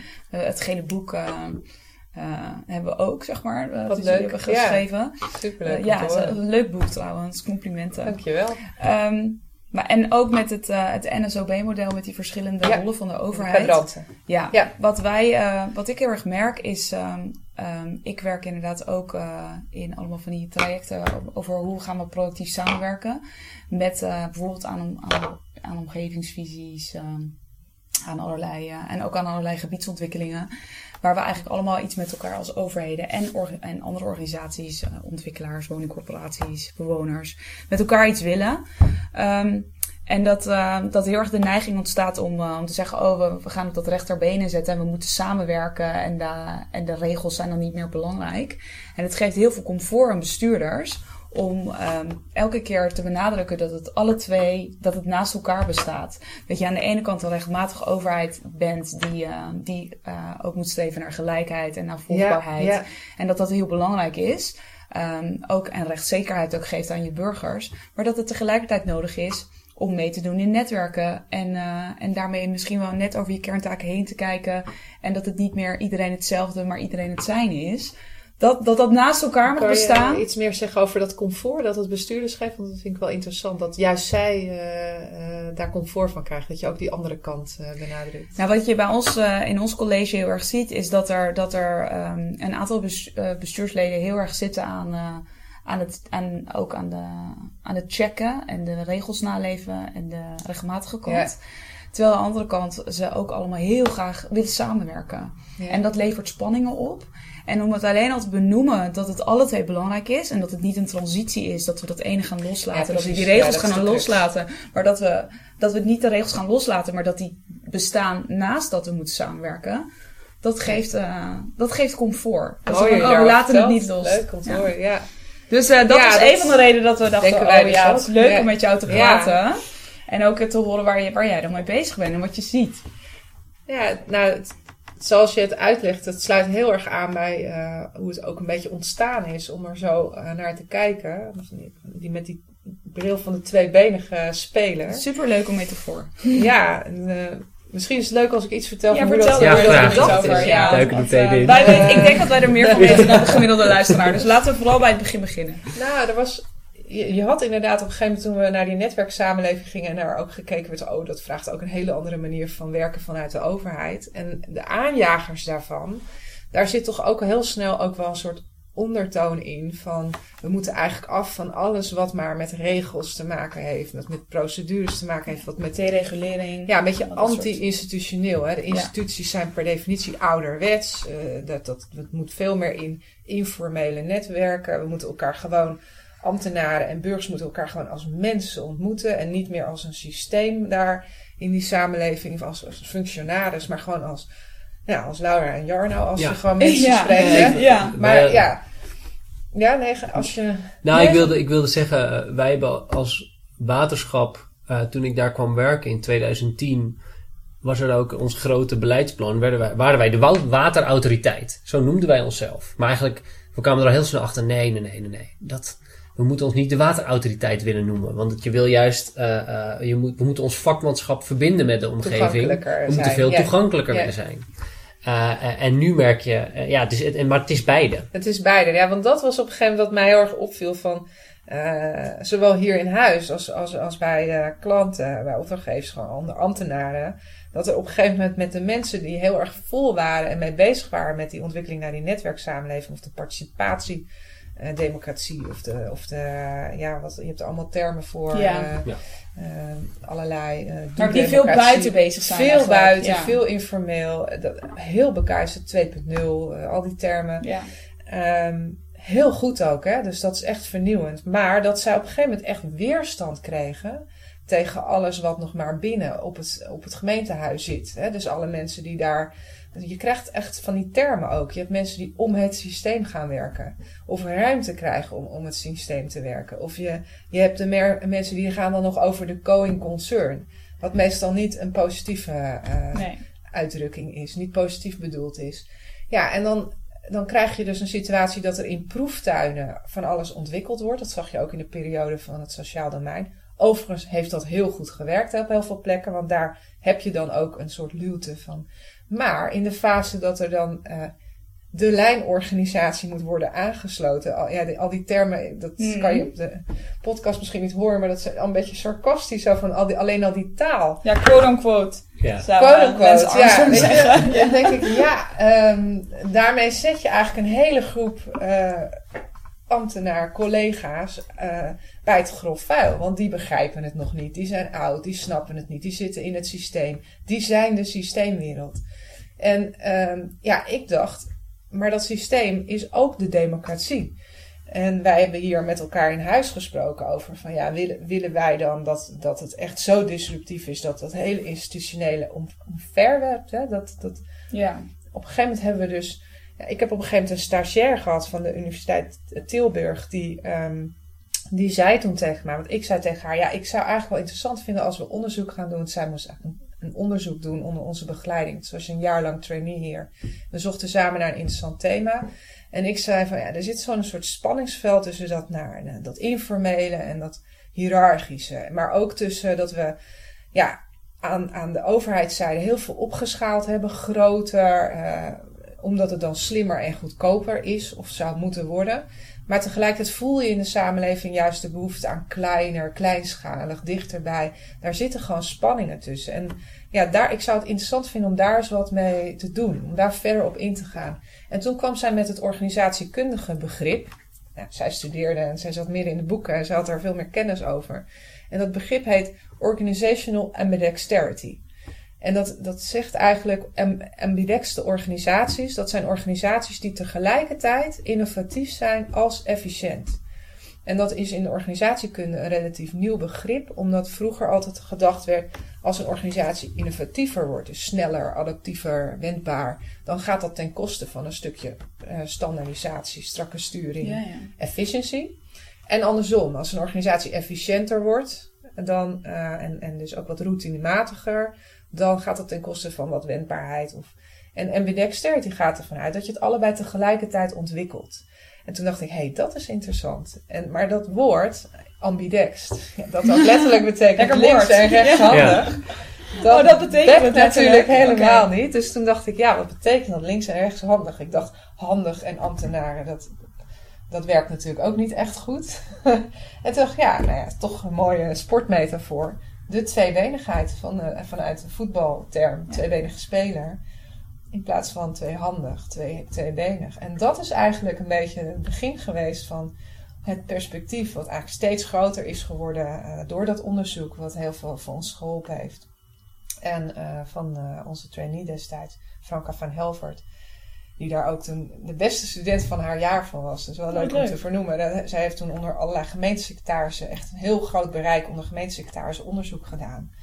En nou, het heeft ons gewoon heel erg geholpen als basis om dit verder te ontwikkelen. En daarnaast hebben wij collega uh, Martine de Jong, die ook als wetenschapper heel veel ontwikkelt op het gebied van grenswerkers. Dus mensen, dus oh, ook ambtenaren die ja. juist werken op de grens tussen buiten en binnen. Dus dat gedachtegoed is heel mooi bij elkaar gekomen onder de noemer tweebenig samenwerken. En onder redactie van, eh, eindredactie van Martine de Jong is dus ook dat boek verschenen. En dat is een samenkomst van heel veel verschillende praktijkverhalen en meer uh, achtergrondessays van verschillende collega's, maar ook van klanten. Dus het is daarmee denk ik een heel rijk boek geworden. Wat heel erg gaat over zowel uh, goed kunnen samenwerken in informele ja, horizontale netwerken, zoals dat dan heet. Maar ook nog steeds zorgen dat er ehm, een betrouwbare overheid is. Ja, ik vind, ik, ik, want ik vind het zelf wel eens, nou eigenlijk irritant dat alles maar met een pilot moet. Ja, en waarom? Nou, omdat je, ehm, dat is misschien een bepaalde mate van ongeduld of iets dergelijks. Maar kijk, met een pilot, een pilot kan altijd. Hè? Iedereen zegt altijd ja op een pilot. Dus uh, uh, ik heb dit jaar bijvoorbeeld iets met drones gedaan en we zijn met data science aan de slag gegaan. Dus, dat soort ontwikkelingen die op je af ziet komen, daar moet je iets mee. Maar het is te groot om in één keer uh, een soort omslag voor je organisatie te maken. Dus je wil klein beginnen. Dus het is ook heel logisch dat je iets met een pilot doet. Maar het gaat ook over de transities, hè? Want ik was laatst uh, Um, weer iets over klimaatadaptatie. En dan zie je nu zeg maar, dat ieder, al die overheden best wel vastzitten in hun eigen wetgeving. Zeker als waterschap hebben wij dat ook, maar woningcorporaties ja. hebben dat ook met de woningwet. Dat ze allemaal zeg maar, een soort van, als ze iets willen wat buiten hun kerntaken is, dan lukt het niet zo erg. Maar in pilots kan het wel. Dat biedt ruimte, maar dat biedt dus, ik merk het in mijn eigen organisatie ook. Als je een pilot opzet, biedt het ruimte om ja, los ermee om te gaan. hebben natuurlijk hun functie doordat je maar kan experimenteren. precies, maar de term irritant is dat ik uh, uh, misschien die verandering wat, gro wat groter zou willen. Maar ook omdat je ziet dat zo'n pilot, als het dan eenmaal klaar is, het inbedden, dan begint het werk pas. Ja, He, Hoe kijk je daar tegenaan? Nou, ik kijk heel erg naar de mensen die het doen. Want um, ik denk dat als je kijkt naar uh, pilots, dan zijn er je ziet ook binnen veel gemeentelijke organisaties of andere overheidsorganisaties dat het toch altijd wel een beetje dezelfde mensen zijn die vrijgespeeld worden om zo'n pilot te gaan doen. Omdat die al een track record hebben als het gaat om bijzondere programma's, echt iets voor elkaar, iets nieuws uit de grond. Weet je, die hebben al dat innovatieve ehm, eh, imago, maar ook gewoon de ervaring. Maar daardoor eh, krijg je steeds meer een soort voorhoede die dat ook zelf zo ervaart. En ik denk dat dat, nou, dat is zeker een compliment voor deze mensen en ook heel belangrijk dat die er zijn. Maar de uitdaging is natuurlijk om de rest mee te krijgen. En dat moet volgens mij al veel eerder bewust uh, worden bij de mensen. Daar moet je bewust van zijn als jij die rol hebt van pionier. Uh, dat je uiteindelijk pas echte impact krijgt als je de rest meekrijgt. Ja, en hoe doe je dat dan? Want het was wel grappig, want nu gaan we even een brugje maken naar onze eigen situatie. Jarno en ik hadden gisteren een gesprek met uh, uh, onder andere een van onze directeuren. Omdat wij alle twee, en nog een aantal mensen, zo'n rol hebben in de organisatie. En inderdaad bezig zijn als soort voortrekkers om bepaalde veranderingen doorheen te krijgen. Maar dat het uh, en dat wij eigenlijk, wij wilden eigenlijk vooral het gesprek hebben. Hoe, hoe, hou je, hoe krijg je meer impact? Hoe krijg je de beweging op gang? Hoe zorg je dat je backup goed is, zodat je ook de rest ja. meekrijgt zonder dat je, nou ja, zodat je, dat je ook niet de tak bent die breekt. Omdat het ook, omdat het soms ook zoveel Een beetje heb je gevoel soms dat je daar, uh, dat dat risico op de loer ligt voor als je dit soort rollen hebt. Dat je ja. te veel, uh, ja, is... omdat je te veel met je kop in de wind staat? Of dat het gewoon echt te veel wordt? Nou, alle twee. Soms is het gewoon letterlijk te veel. Soms kan het ook een beetje onveilig worden. Omdat ja. je soms het gevoel kan hebben dat je aan het hobbyen bent. Ook al heb je vaak daar wel... Ik, ik zorg wel dat ik mijn bestuurlijke borging heb. En, uh, dus maar dat ik wel... Maar, maar, wel, maar wel dat je... Uh, maar, dat is dat, maar soms ook onveilig kan zijn als ja. het niet helemaal de goede kant op gaat of je en iets het vergeten heeft, bent. Het heeft ermee te maken dat je soms gewoon een... Uh, heel veel energie nodig hebt om iets in beweging te krijgen of te houden. En energie uh, is op een gegeven moment op als je ook andere dingen, uh, uh, omdat er ook andere dingen kunnen spelen. Dus het is ook niet gezond om er continu zoveel energie in te moeten stoppen. Ik denk dat dat een van onze hulpvragen was van jongens, weet je wel. Besef en bedoel je, je dan dat als je bijvoorbeeld aan zo'n pilot werkt, uh, dat dat, uh, dus ik probeer even van wat kost dan zoveel energie? Hè? Is dat juist als je die nieuwe dingen moet gaan aanjagen? Of bedoel je juist als je die verbinding moet gaan maken? Die verbinding. Ja. Daar zit, Nee, daar zit, uh, ja. daar zit En laatst had ik een heel interessant overleg waarin we ook het over zo'n pilot hadden. En toen werd ook nadrukkelijk gezegd, je moet wel het stof en blik organiseren. Het is niet erg als het misgaat, maar je moet wel Ja. Het puin wat je achter je laat, dat moet je wel georganiseerd hebben, dat het dan eh, dat het daarna dus ook eh, netjes opgeruimd is. Hè? Dus, dus denk niet alleen na van als de pilot En kan je is. iets concreter maken wat er dan mee wordt bedoeld? Dat puin wat je achter je laat? Nou, ik denk, ik denk dat daarmee werd bedoeld dat je ehm, eh, zorgt dat, dat het niet het, alleen het lintje is. Hè? Dus dat je een document hebt opgeleverd, maar dat je daarna ook de implementatie in de systemen, het opleidingstraject voor de mensen, Ja. eh, dat soort zaken. Dat is zeg maar het puin vanuit de pilot geredeneerd. Dat je dus ook wel nadenkt Ja. over hoe je het nou de organisatie inkrijgt. Het is grappig dat dat puin wordt genoemd eigenlijk. Nou ja. Want het is, dit klinkt meer als implementeren. En, en dat is tegelijkertijd ook Volgende moeilijk. Omdat wij, ja. en natuurlijk, ik ben beter in starten dan afmaken. Ehm, maar, maar tegelijkertijd het belegd krijgen is dan ook... uh, Ja, het kan ook best zo zijn dat de mensen die het starten in een pilot situatie en niet de mensen zijn die straks heel goed zijn in het eh, Klopt. implementeren. ja. Klopt. Maar het gaat even om eh, dat het allebei al erkend wordt als belangrijk. Dus ik, ik begin eigenlijk altijd even met, eh, nee, laat ik zo zeggen, wat je nu vaak ziet, is dat mensen eh, op de werkvloer eigenlijk een soort van strijd krijgen. Ehm, ja, maar dit zijn de goede ideeën, die kant moeten we op, dit is de toekomst.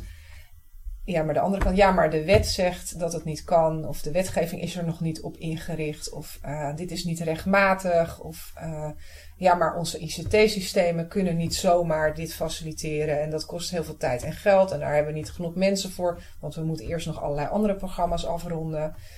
Eh, dus er, zijn, er ontstaan discussies van we moeten elkaar overtuigen.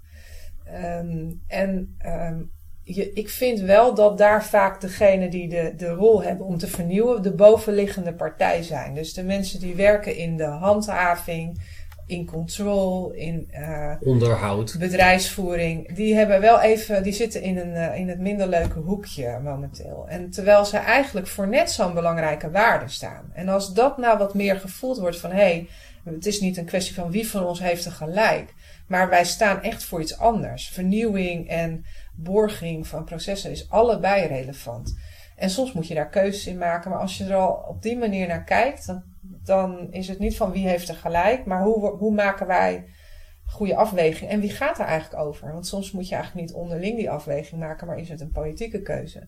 Zoals bijvoorbeeld uh, gezegd wordt, ja, hier moeten we om de wet heen werken. Of hier moeten we even nog niet te veel aan rechtmatigheid denken. Mm. Met het sociaal domein hebben we gezien dat daar uh, ongelooflijke beweging is gemaakt rondom die wijkteams. En rondom echt hele nieuwe manieren van werken bij veel gemeentes. Sinds er gedecentraliseerd is.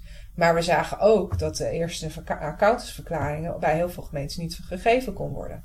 Dus dat niet kon worden aangetoond dat er ook rechtmatig uh, gewerkt is of hoe de geldstromen liepen. En dan kan je even zeggen, ja, maar dat is even, want we zijn nu aan het veranderen en dat gaat nou eenmaal niet vanzelf. Maar dat kan natuurlijk niet te lang, want het is toch wel een dingetje als je niet kan aantonen waar de publieke middelen gebleven zijn en of dat effectief is. Dus de mensen die daarop hameren en misschien aan het begin van de pilot al zeggen: mensen, let even op, dit is niet zomaar rechtmatig, doen er ook toe. Ja. En um, nou ja, ik, ik begin altijd bij de burger. En we zeggen wij als burger, ik als burger. Ik vraag gewoon eigenlijk iets wat paradoxaals is. Want ik wil aan de ene kant dat mijn overheid me niet in de weg zit met allemaal onnodige regels. We willen geen paarse krokodillen. En tegelijkertijd wil ik wel dat ik zeker weet dat publieke middelen goed, eh, dat belastinggeld goed besteed wordt, om het zo maar te zeggen. En daar moet je toch iets van uh, controle op kunnen doen dus. En juist die controle maakt weer dat er procedures moeten zijn die weer de innovatie. Dus dat is al eigenlijk een beetje een botsende vraag. Wel, we zeggen ja, het moet allemaal niet te veel bemoeien, die overheid. Maar zodra er wat misgaat, dan staan we al de, de wethouder moet aftreden en dan gaat de gemeenteraad er bovenop. Dus ja, die terugtrekkende overheid die is maar heel relatief. Want zodra er iets misgaat, vinden we toch dat die overheid had moeten voorkomen dat het gebeurd is. Dus wij, het zit al in de samenleving dat er eigenlijk een beetje een spanning zit in wat vragen wij nou eigenlijk. En ik denk dat je um, nu, uh, ja, dat, dat die spanning ook in overheidsorganisaties voelt. En zelfs in besturen. En ik moet eerlijk zeggen, ik koppel hem zelfs een beetje aan uh, de tweedeling in de samenleving die ervaren wordt. Die, uh, we hadden het voor dit gesprek even over de gele hesjes, of dat nog aan de orde zou komen of niet. Ja, het is natuurlijk een icoon geworden, het gele hesje. Maar ik denk wel dat um, overheidsorganisaties, publieke organisaties, um, heel erg juist in die vernieuwing gedomineerd worden door professionals, door hoger opgeleiden, door mensen die heel erg begeisterd zijn met al die nieuwe manieren van dialoog, van um, ja, participatie, van doe-democratie. Dat kan toch allemaal anders en nieuw. Maar dat alles moet ook altijd leuk en met elkaar. Maar we zijn het ook niet altijd over alles heen eens. En dat ja, omgaan met spanningen en conflict. En dat er ook wel eens gewoon keuzes gemaakt moeten worden. Dat lijkt wel gewoon een beetje uit te zijn geweest. En nu zie je, ja, er is ook behoefte. Je kan, je kan heel veel dingen aan de klimaattafels regelen. Maar daar zit niet iedereen. En dus moet er ook nog steeds in het parlement verantwoording afgelegd worden over wie gaat dat betalen. En uh, willen we dit ook echt? En daar Waar is pleit je dan voor? Nou, dat, dat je je bewust bent dat um, het heel mooi is dat je voor de ideevorming uh, uh, andere mensen aan tafel vraagt. Komen weer terug op die raden en die adviesorgaan. Maar dat het nooit de democratie kan vervangen. Nee, want daar die moet er, uiteindelijk moet iemand het politieke besluit nemen over hoe het eruit gaat zien. Ja, nou, laat ik een voorbeeld geven. Ik had het ook een keer bij een provincie. Daar hadden ze via allerlei dialoogvormen heel veel partijen, organisaties, burgers, bedrijven, hadden ze allemaal betrokken bij beleidsvorming. En op een gegeven moment zei zo'n gedeputeerde eigenlijk een beetje verzuchtend. Ik snap eigenlijk niet waarom ik er nu nog mee naar de Staten moet. Want iedereen heeft zich toch al er tegenaan kunnen moeien. Iedereen is er al ja. mee eens. Maar hij zegt dat ook, wetende dat in die staten zitten juist de mensen die dan misschien nog het er niet mee eens zijn. Maar daar zit dus, daar zit dus wel een soort van ja, spanning, spanning dat die dat mensen die het er niet mee eens zijn zich meestal niet zo thuis voelen in al die participatieve, leuke, informele, innovatieve werkvormen. Ja. En uh, het gaat dus niet alleen maar om um, vorm, het gaat ook echt om inhoud. Want bepaalde inhoud bereikt die informele netwerken niet. Nee. Want uh, dat zijn gewoon mensen die dan toch zich daar niet thuis voelen of misschien de taal niet spreken of het gewoon niet mee eens zijn. En dat sluit dan toch uit. Dus Ja. je moet ergens wel weer terug naar de politiek. Daar wordt de echte verantwoording, of daar vindt de echte besluitvorming plaats over waar willen we naartoe. En ja, daar moeten kaders gesteld worden. En ik vind nu dat er, ja, ik vertel misschien een beetje veel in één keer, maar ik, volgens mij zit daar wel een samenhang tussen. Ik vind nu dat heel veel mensen echt moeite hebben met één, alle mensen die zich met regels bezighouden en met handhaving, eh, en, maar ook met eh, gemeenteraadsleden die dan ja, de ingewikkelde vragen nog eens helemaal aan het eind gaan stellen of dat misschien er niet zoveel verstand van hebben, eh, maar er wel iets van vinden. Dat er toch ja, bij de professionals en ook bij de bestuurders soms toch de neiging bestaat van laten we, mm, laten we dat maar even niet te veel in die gemeenteraad brengen. Ja, dat vind ik, een- dat vind ik geen goede ontwikkeling. Dat, dat, en dat proberen wij dus. Dat zit ook een beetje in dat tweebenig denken. Het is en en. Je moet ook die politiek bedienen. Die politiek is uiteindelijk de baas. En eh, ja, soms gooien ze roet in het eten. Soms eh, vinden ze het gewoon niet leuk. Of zijn ze het er niet mee eens. Of stellen ze vragen bij eh, klimaattafels en ideeën die daar bedacht worden. Het kan nooit de democratie vervangen. Nee. Ageet, is dit dan ook eh, wat jou betreft een van de grootste uitdagingen waar we voor staan met het openbaar bestuur? Ja, ik denk wel dat het echt doorleefd hebben dat die democratie ook echt belangrijk is. En dat de gemeenteraad ook nog steeds belangrijk is. En dat alle dingen die wij ontwikkelen, eh, als ambtenaren ook ontwikkelen, of wij als adviseurs met, samen met ambtenaren voor jullie, met jullie, samen met jullie ontwikkelen, dat dat nooit de democratie kan eh, vervangen. En dat we juist zoeken hoe kan dat nou goed in samenspel gaan. Ja. Dat we en die vernieuwing vormgeven, maar ook op de juiste momenten de kaders ophalen en weer teruggaan naar de gemeenteraad. En uiteindelijk daar toch echt het laatste woord ligt. En niet alleen omdat het moet, maar omdat we ook echt geloven dat het zo werkt. Ja, ik denk dat dat eh, op dit moment wel echt weer een beetje opnieuw beleefd moet worden. En dat er nu een risico is dat we de democratie een beetje uithollen. Kun je daar nog een advies over meegeven? Aan, eh, aan ons als ambtenaren, maar ook aan, aan de bestuurders. Ja, ik zeg zelf ook altijd tegen mijn collega's: eh, ja, van, ehm, ga altijd op zoek naar. eh, Als wij een opdracht krijgen, wij krijgen natuurlijk vaak de opdracht vanuit de ambtelijke organisatie. Ehm, ga op zoek naar de legitimatie achter je opdracht. En dat ja, kan ik ook als advies aan jullie geven, maar dat geef ik altijd aan mezelf, maar dat geef ik ook aan mijn collega's. Volgens mij is voor iedereen die werkt eh, in de organisatie van het openbaar bestuur, die moet denken: ik ben dienend aan het publiek belang. Publiek, maar dus echt de burger. Wat, Ja, dus ergens wat- is er, ligt, er eh, een, eh, ligt er een politiek besluit. Wat staat er in het coalitieakkoord? Is er een bestuurlijke opdracht voor wat ik voor deze ambtelijke organisatie ga doen? Ja. Eh, zodat het ook, dat je je gevoel houdt met voor wie doen we dit? Ja. En met welk publiek, publieke middelen doen we dit? En hoe zorgen we dan dat we straks ook kunnen verantwoorden dat dat de moeite waard is geweest? Of als het niet lukt, dat daarvan geleerd kan worden. Dat je continu bewust bent van hé, hey, eh, het is geen losgezongen iets, een ambtelijke organisatie. Uiteindelijk is het dienend aan eh, de samenleving. En moeten dus in relatie tot de politiek, dus ja, of dat eh, in, bij een gemeente is dat de, de gemeenteraad, maar dat zijn natuurlijk bij alle niveaus weer andere organen. Maar dat je, en dat moet je natuurlijk niet zelf doen, dat is de bestuurder die je in positie moet brengen om die relatie goed te borgen of gemeenteraadsleden daarbij te betrekken. Nou, dat, ik denk dat ik dat wel altijd een beetje bij me heb en daar ook een beetje op een missie ben van eh, probeer elke keer die verbinding met eh, de legitimatie achter jouw opdracht te zoeken. Wat is het publieke belang? Waarom krijg je deze vraag? Wat moet ermee gebeuren? Hoe leg je de verantwoording over af? Dat zijn toch een beetje de kaders die altijd relevant zijn om te stellen, vind. En de vragen die relevant zijn om te stellen als je in het publieke domein werkt. Dankjewel, Ageet, voor dit gesprek. Ja, Graag gedaan. Superleuk. Ja, heel, erg leuk om jullie te spreken. Dank jullie wel.